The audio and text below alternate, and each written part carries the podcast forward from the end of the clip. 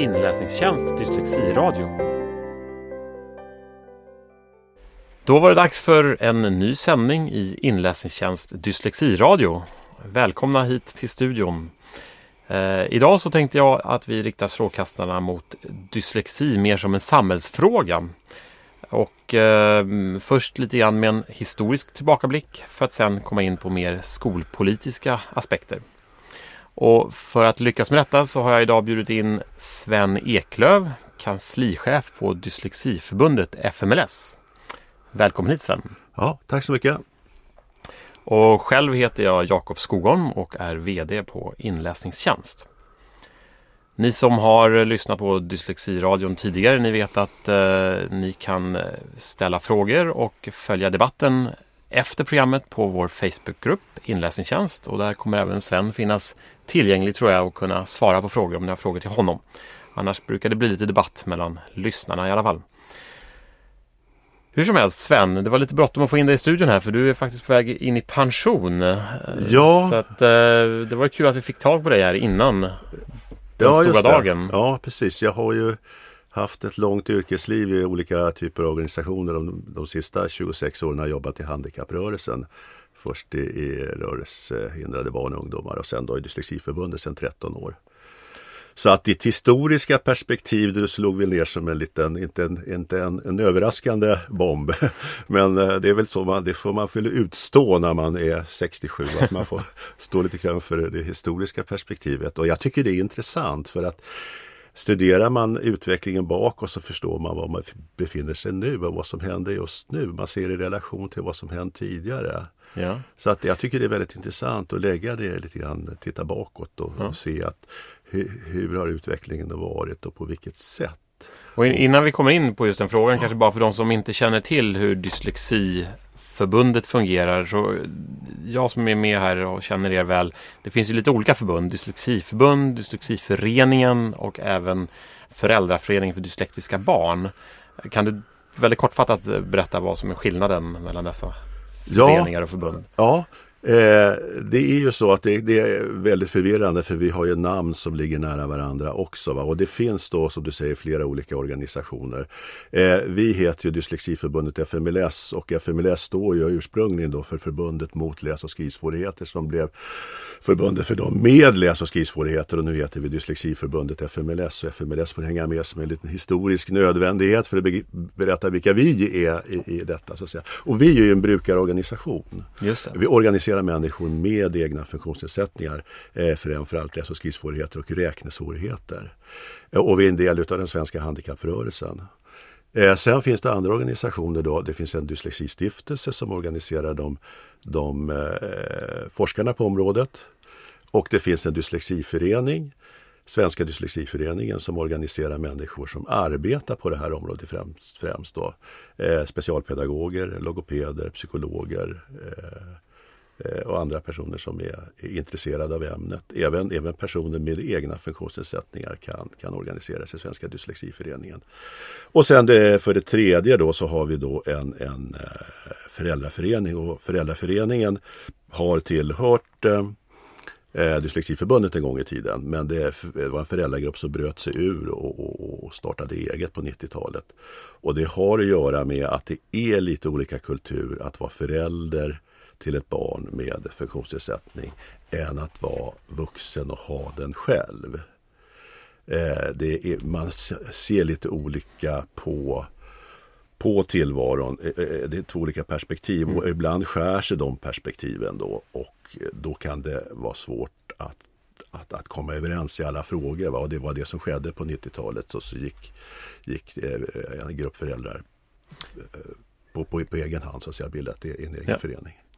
Och ju fler som skriker desto mer får man gjort kanske. Så det kanske var bra att det är fler. Ja, det är både fördelar och nackdelar naturligtvis. Ja. Det, det, och mest är det nog fördelar att vi är många röster och vi samverkar bra vid något vi kallar för dyslexisamrådet. Samverkar vi alla organisationer och vi har ju Även om det är slitningar ibland så har vi liksom varit överens om de stora linjerna. Vi har tagit fram då eh, handlingsplaner och målprogram som har sträckts över tio år. Mm. Eh, där vi varit ense om på, på vilket sätt vi ska driva utvecklingen framåt och, och det har vi varit lyckosamma med tycker jag de sista 20 åren. Att, I det samarbetet att se att vi är överens om de stora linjerna så att säga. Bra. Ehm, och kort också en kanslichef. Vad gör man då? Ja, det, man gör allt och inget. ja, det är svårt. Nej, men det, det, är väl olika beroende på vilket kansli man sitter på naturligtvis. Kanslichef låter ju ganska expeditionellt och administrativt. Eh, men eh, i mitt fall så är det så att jag är ansvarig tjänsteman för alla frågor, även då de intressepolitiska frågorna. Eh, så att eh, en stor del av jobbet är ju att serva vår förtroendemannaorganisation. Vi har en förbundsstyrelse och vi har 7000 medlemmar, 60 föreningar och så vidare. Eh, en annan stor del vi arbetar mycket med är information. Vi har en fin tidning, vi har en mm. jättefin webb. Eh, vi jobbar mycket på Facebook och andra medier. Eh, vi försöker jobba mot, mot eh, ute i samhället mot, mot eh, press och mm. så. Jag såg på Facebook i morse att eh, du ska få celebert besök här med Carl Philip. Ja, vi ska få celebert besök. Han besöker oss. så att vi har trummat ihop en liten, liten, en liten styrka med, med personer ungefär i, i prins Carl Philips ålder som kommer träffa honom på måndag för att han var intresserad av att informera sig om vad vi gör i Dyslexiförbundet och vilka aktuella frågor som finns och, och han vill även eh, orientera sig lite mer om, om dyslexi. Mm. Så att eh, vi träffar honom på måndag förmiddag och det är spännande och roligt och mm. intressant. Och eh, vi kommer även ta dit en liten, en, eh, en liten tjej som är en av våra medlemmar som ska visa prinsen sina hjälpmedel på datorn. Det låter bra. Jag hoppas ja. att inlästa läromedel kommer in där. Det vet man aldrig. Ja, det kan finnas eh, kanske. hoppas att prins Carl Philip kommer hit till inlandstjänsten en vacker dag också. Ja, det får vi se. Det har inte hänt hittills. Eh, nåväl, låt oss dyka in i då huvud, eller första liksom, frågeperspektivet här som handlar om det historiska perspektivet. Du har varit med i 13 år. Ursäkta. 13 år i, eh, i din nuvarande roll.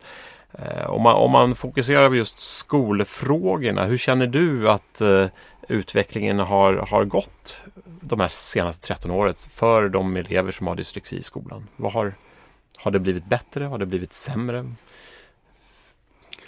Ja, eh, man kan väl säga om man nu lägger ett ändå längre perspektiv på det hela. Så, så eh, när förbundet bildades 79 så var det mer ett vuxenperspektiv. Det var människor då som var, var utanför samhället som hade misslyckats i skolan som bildade förbundet en gång i tiden. Så att det var ganska mycket, tror jag, ett vuxenperspektiv på verksamheten från början.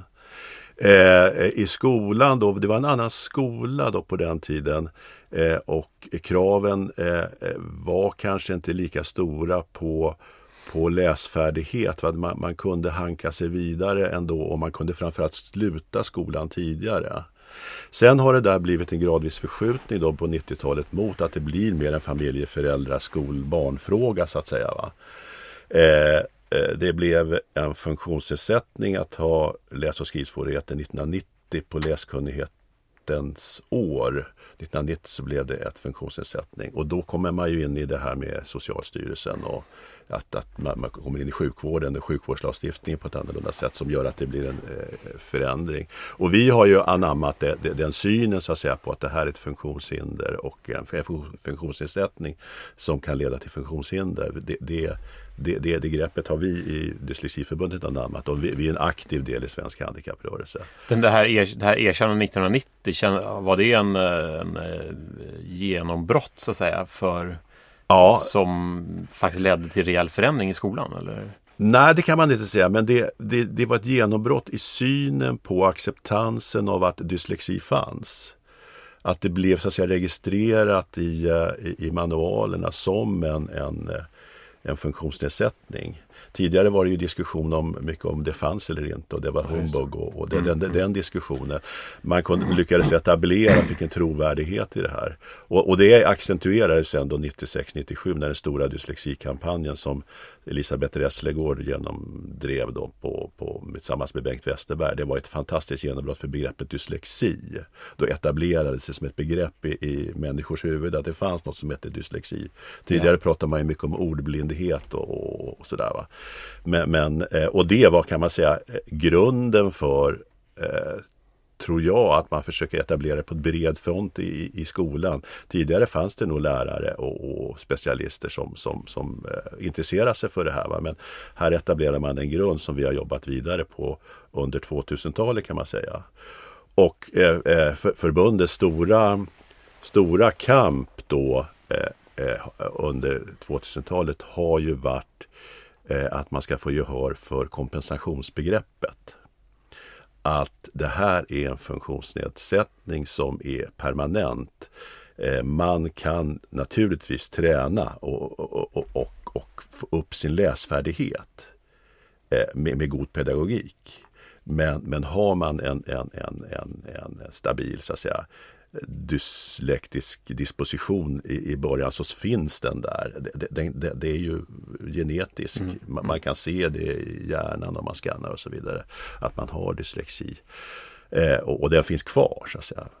Eh, och eh, utifrån det resonemanget så, så, så, så, ska man kompensera den, den nedsättningen i en funktion. Och vi har jobbat då under 2000-talet jättemycket för att etablera kompensatoriska tänkandet, inte fusk att få hjälpmedel och att vi har bidragit till hjälpmedelsutvecklingen. Mm. Och där har vi ju sett en fantastisk utveckling på det digitala området med datorerna. Ja, har ja. kommit med alla hjälpmedel och eh, inlästa läromedel tillgängliga och fina format och så vidare. Ja. Tycker, tycker du att det, det är lätt att, lätt att förstå vad du säger, att, att det har hänt väldigt, väldigt mycket på när det kommer till kompensatoriska hjälpmedel och tekniska hjälpmedel. Är det nästan så att det i den diskussionen och den ivern att, att utnyttja nya hjälpmedel, man nästan glömmer bort den pedagogiska aspekten. Eh, så att man helt enkelt glömmer bort tidig träning och, och sådant. Ja, vi, vi har väl hamnat där i, i, i, våra övergripande diskussioner om vart vi är någonstans idag. Och vi har ju haft, fått ett väldigt, väldigt stort genomslag för, för hjälpmedel och kompensatoriskt tänkande. Vi hade ju fantastisk framgång med eh, skoldatatekprojektet där majoriteten av, av Sveriges kommuner skaffar sig skoldatatek. Eh, så, så, så, som möjliggjorde att det fanns en teknisk och pedagogisk kompetens runt hjälpmedlen så att man kunde introducera dem på ett vettigt sätt. Men, men eh, det ligger någonting i det du säger Jakob att, att man får ju inte bara eh, resonera på det sättet. Okej, okay, här har vi dyslektiker fram med hjälpmedlen, varsågod.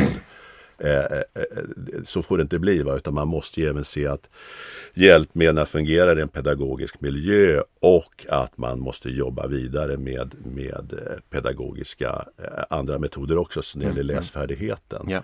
Och, och, och, där befinner vi oss, när det gäller läsfärdigheten, så befinner vi oss i samma miljö som alla andra elever i den svenska skolan som inte har fått hjälp att lära sig läsa på rätt sätt.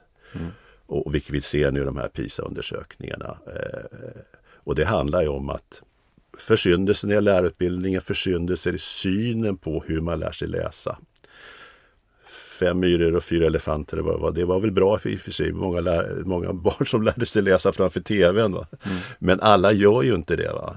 Och, och jag tror man, man, man, man, har sett lite för enkelt på det här med, med hur man lär sig läsa. Det är ju en specialkunskap som de gamla småskollärarna hade gått på seminarium i flera år för att lära sig ja. den tekniken. Hur ska man få lära, barn att lära sig läsa? Så man glömde bort lite grann och trodde att det gick av sig själv.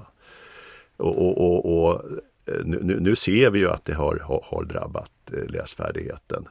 Eh, och det här nya projektet som Martin Widmark står för och läsrörelsen med en läsande klass är ju mm. fantastiskt. Mm. För där, där, ringer man ju in ett av problemen. Ja. Att man måste träna. Det, det, är inte bara att lära sig eh, avkoda utan man väl lär sig det så ska man komma igång ja. och få upp en förståelse också. Precis. apropå eh, kompensatoriska hjälpmedel. Det har ju varit en intensiv debatt här den senaste tiden om, om nationella prov. Ja. Och, och, rätten till kompensatoriska hjälpmedel. Där tror jag ni har varit rätt tongivande och haft en stark syn. Eller? Ja, jag vet inte om vi har varit tongivande. Jag tycker de som var mest tongivande har varit Skolverket tyvärr. Ja, okay. ja, det är de som satt reglerna. Det är de som har satt reglerna och, och, där har vi ju inte, vi, vi har ju inte förstått hur Skolverket resonerar. De, de, de menar ju på att, att eh, när man testar då eh, läsfärdigheten i, i, i, skolan så måste man göra det i ett sammanhang. Det vill säga man måste både träna avkodning och förståelse i, i ett enda moment. Mm. Eh, och, och, det är svårförståeligt för, för när man läser eh, kunskapskraven och vad som ska testas eh, så, så är det uppdelat på olika delar. Och varför kan man då, då testa på olika delar? Ja. Och, och, och, det tycker inte jag man från Skolverkets sida har lyckats förklara. Och sen har vi, vi har ju intervjuat eh, de, de flesta svenska läsforskare som är bra på det här och det är ju ingen som håller, håller med Skolverket om att deras analys är den riktiga i det här avseendet. Ja. Så att vi, vi har inte träffat någon som tycker att det här, här, här, här är ett vettigt sätt att resonera. Finns det någon tendens att Skolverket tänker om här? Eller vad? Vi har inte sett den tendensen utan det, vi, känner mer att det gått, gått tyvärr, någon, det, det kom snett från början på något sätt och vi har eh, Ja, nej men eh, ja, baklås. Ja, det har gått i liksom. baklås och, och på, på, ett väldigt tråkigt sätt tycker jag och, och, känner att det har inte funnits en vilja riktigt ifrån Skolverkets sida att deras tjänstemän att gå in i det här egentligen och sätta mm. sig in i det här.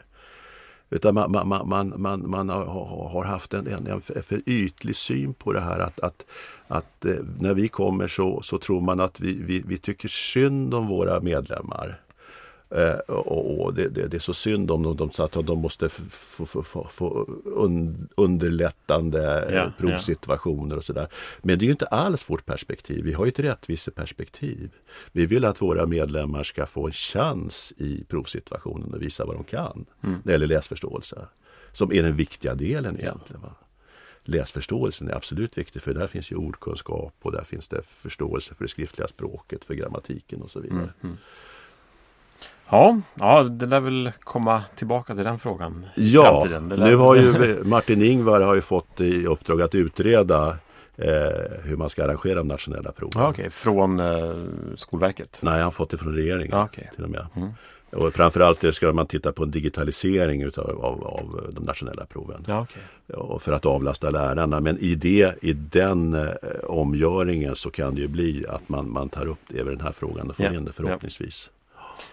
Bra, ja, eh, hoppa vidare lite grann och tänkte fundera på framtiden då. Eller, det är ju faktiskt så att det är eh, valår i år. Eh, mycket politik, mycket skoldebatt eh, i största allmänhet.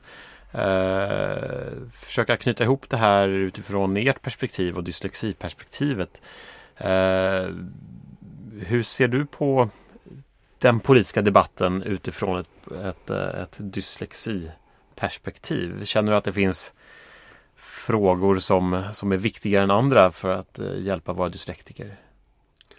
Ja, nej men man säger ju, eh, har tidigt sagt att den här eh, valet ska handla om, om skolan. Skolan är, är den främsta valfrågan och, och det kan man ju både vara glad och fasa för.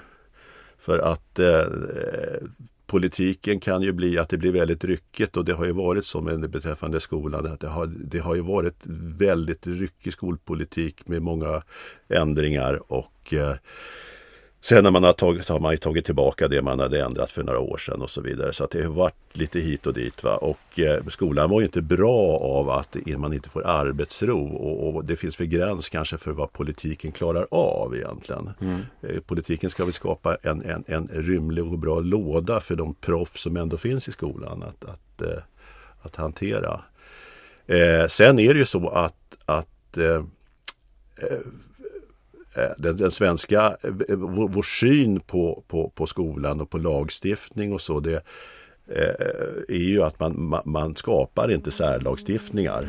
Sen är det ju så att eh, vår syn på den svenska skolan och på skolpolitiken är att man skapar inte särlagstiftningar och vi driver inte frågan att det ska vara några speciella regler för personer med läs och skrivsvårigheter, dyslexi i skolan.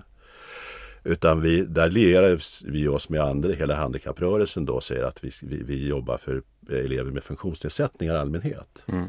Det, det, det, det, är vår policy och där, där har det ju blivit så eh, att eh, den senaste skollagen vi fick då 2010-11 då den den var ju så utslätad i, i, i, den synen på eleverna så att elever med funktionsnedsättningar försvann, försvann i, i lagstiftningen. Till och med specialpedagogiken och rätt till specialpedagogik försvann.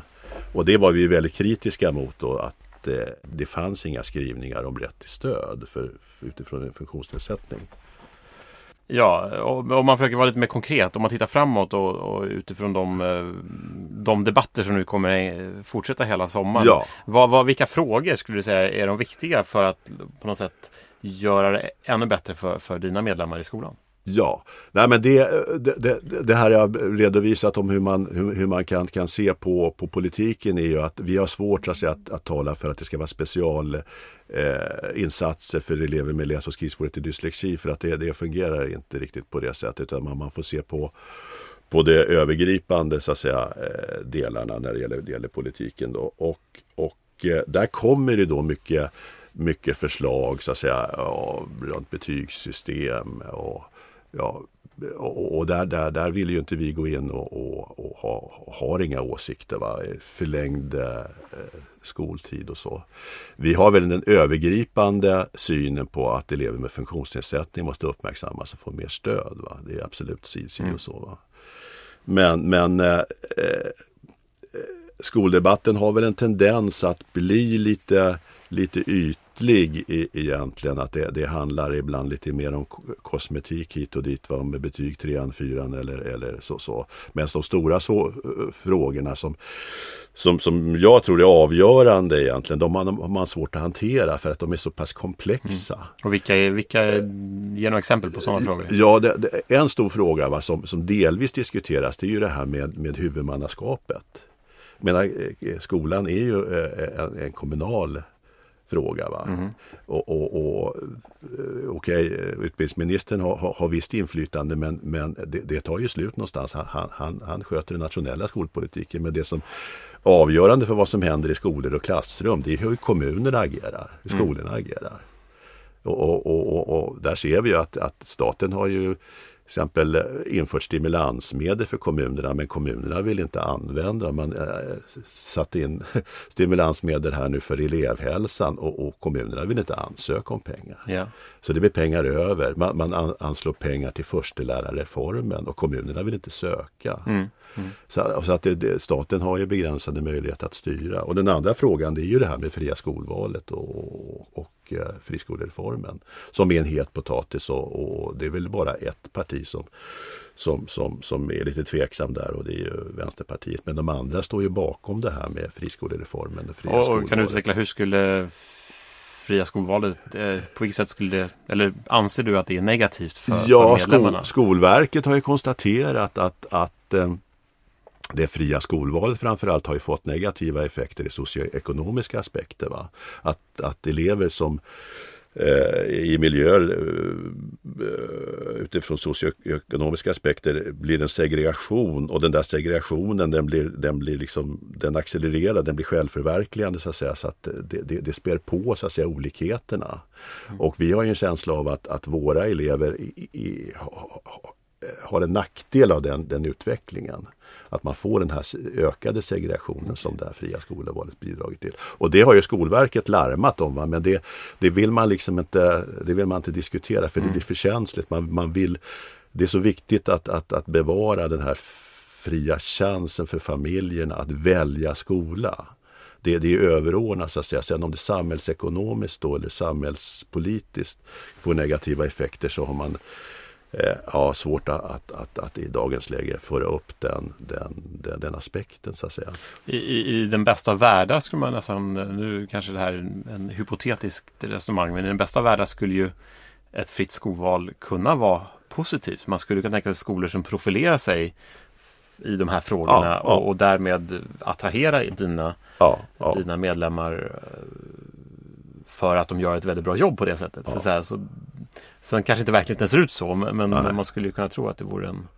Ja, men vi har ju anslutit oss till den, den tanken som, som är grundläggande i den svenska politiken när det gäller integration och segregation. Och det vi har anslutit oss till det att, att, att det ska vara en skola för alla. Vi ska ha en, inte ha en segregerad eh, utbildning. Och det har vi fått beröm, det fick vi beröm av FN här för en månad sedan att, att, att det var en väldigt fin integrerad skola. Mm. Eh, det var väldigt, är bara 1,5 procent av eleverna i Sverige som går i segregerade lösningar och det är världsrekord. Mm. Men däremot kritiserade FN Sverige för att man inte lyckas upprätthålla kvaliteten. Mm. Och det är väl den sista frågan som är den stora frågan egentligen och det är det som man från Lärarförbundet betecknar som den svenska lärarkrisen. Och, och, som vi diskuterar då så att säga utifrån att det kommer, ett, det kommer att saknas 45 000 lärare om några år. Ja.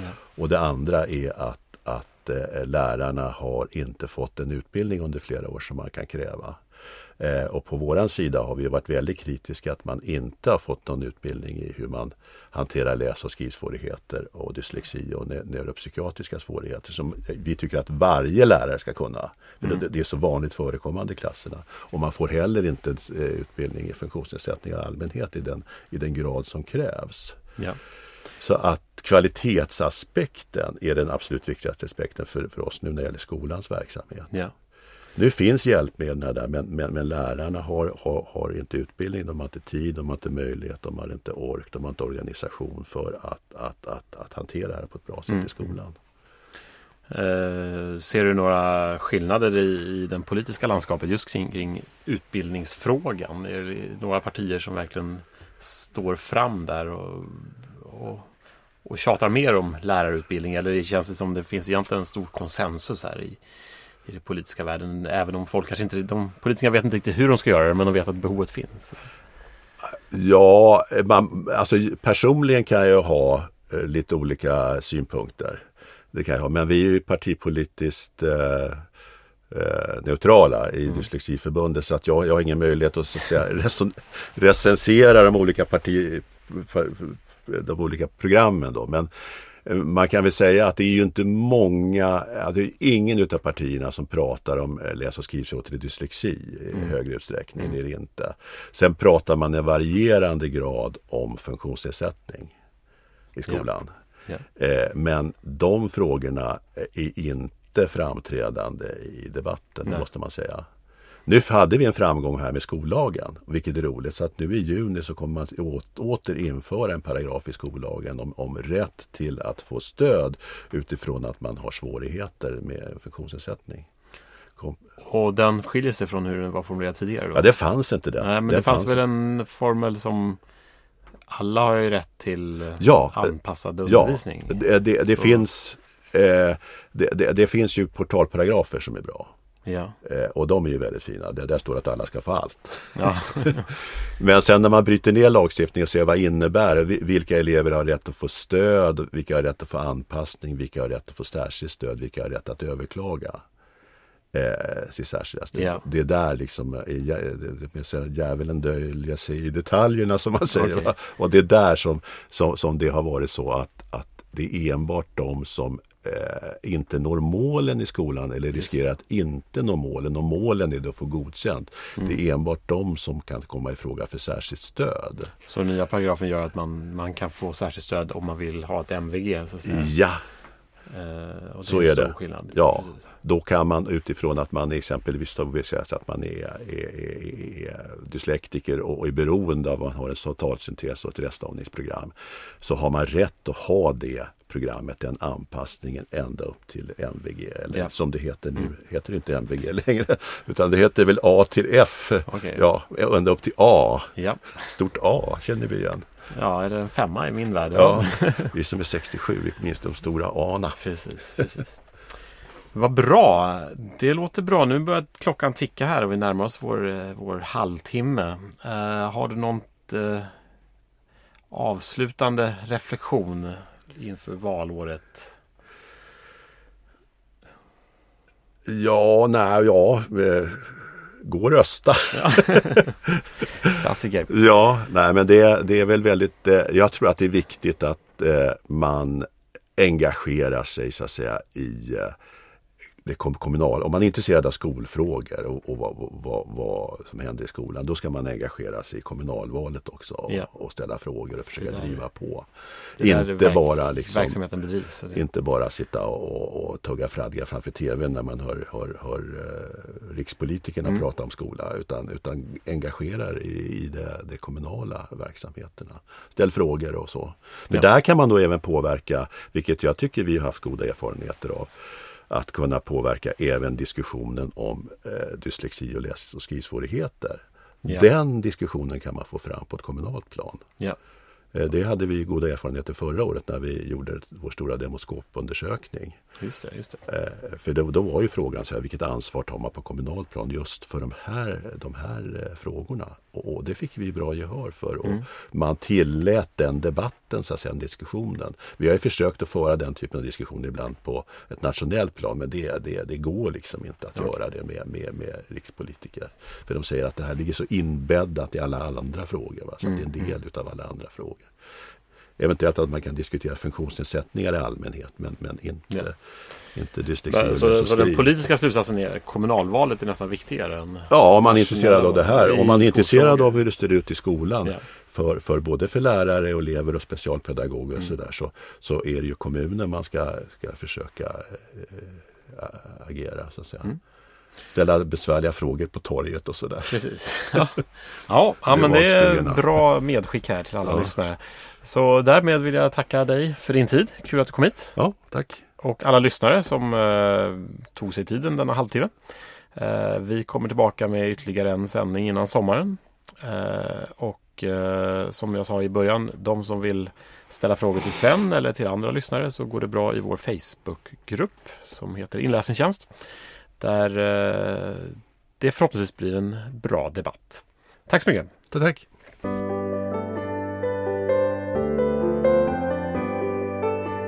Inläsningstjänst Dyslexiradio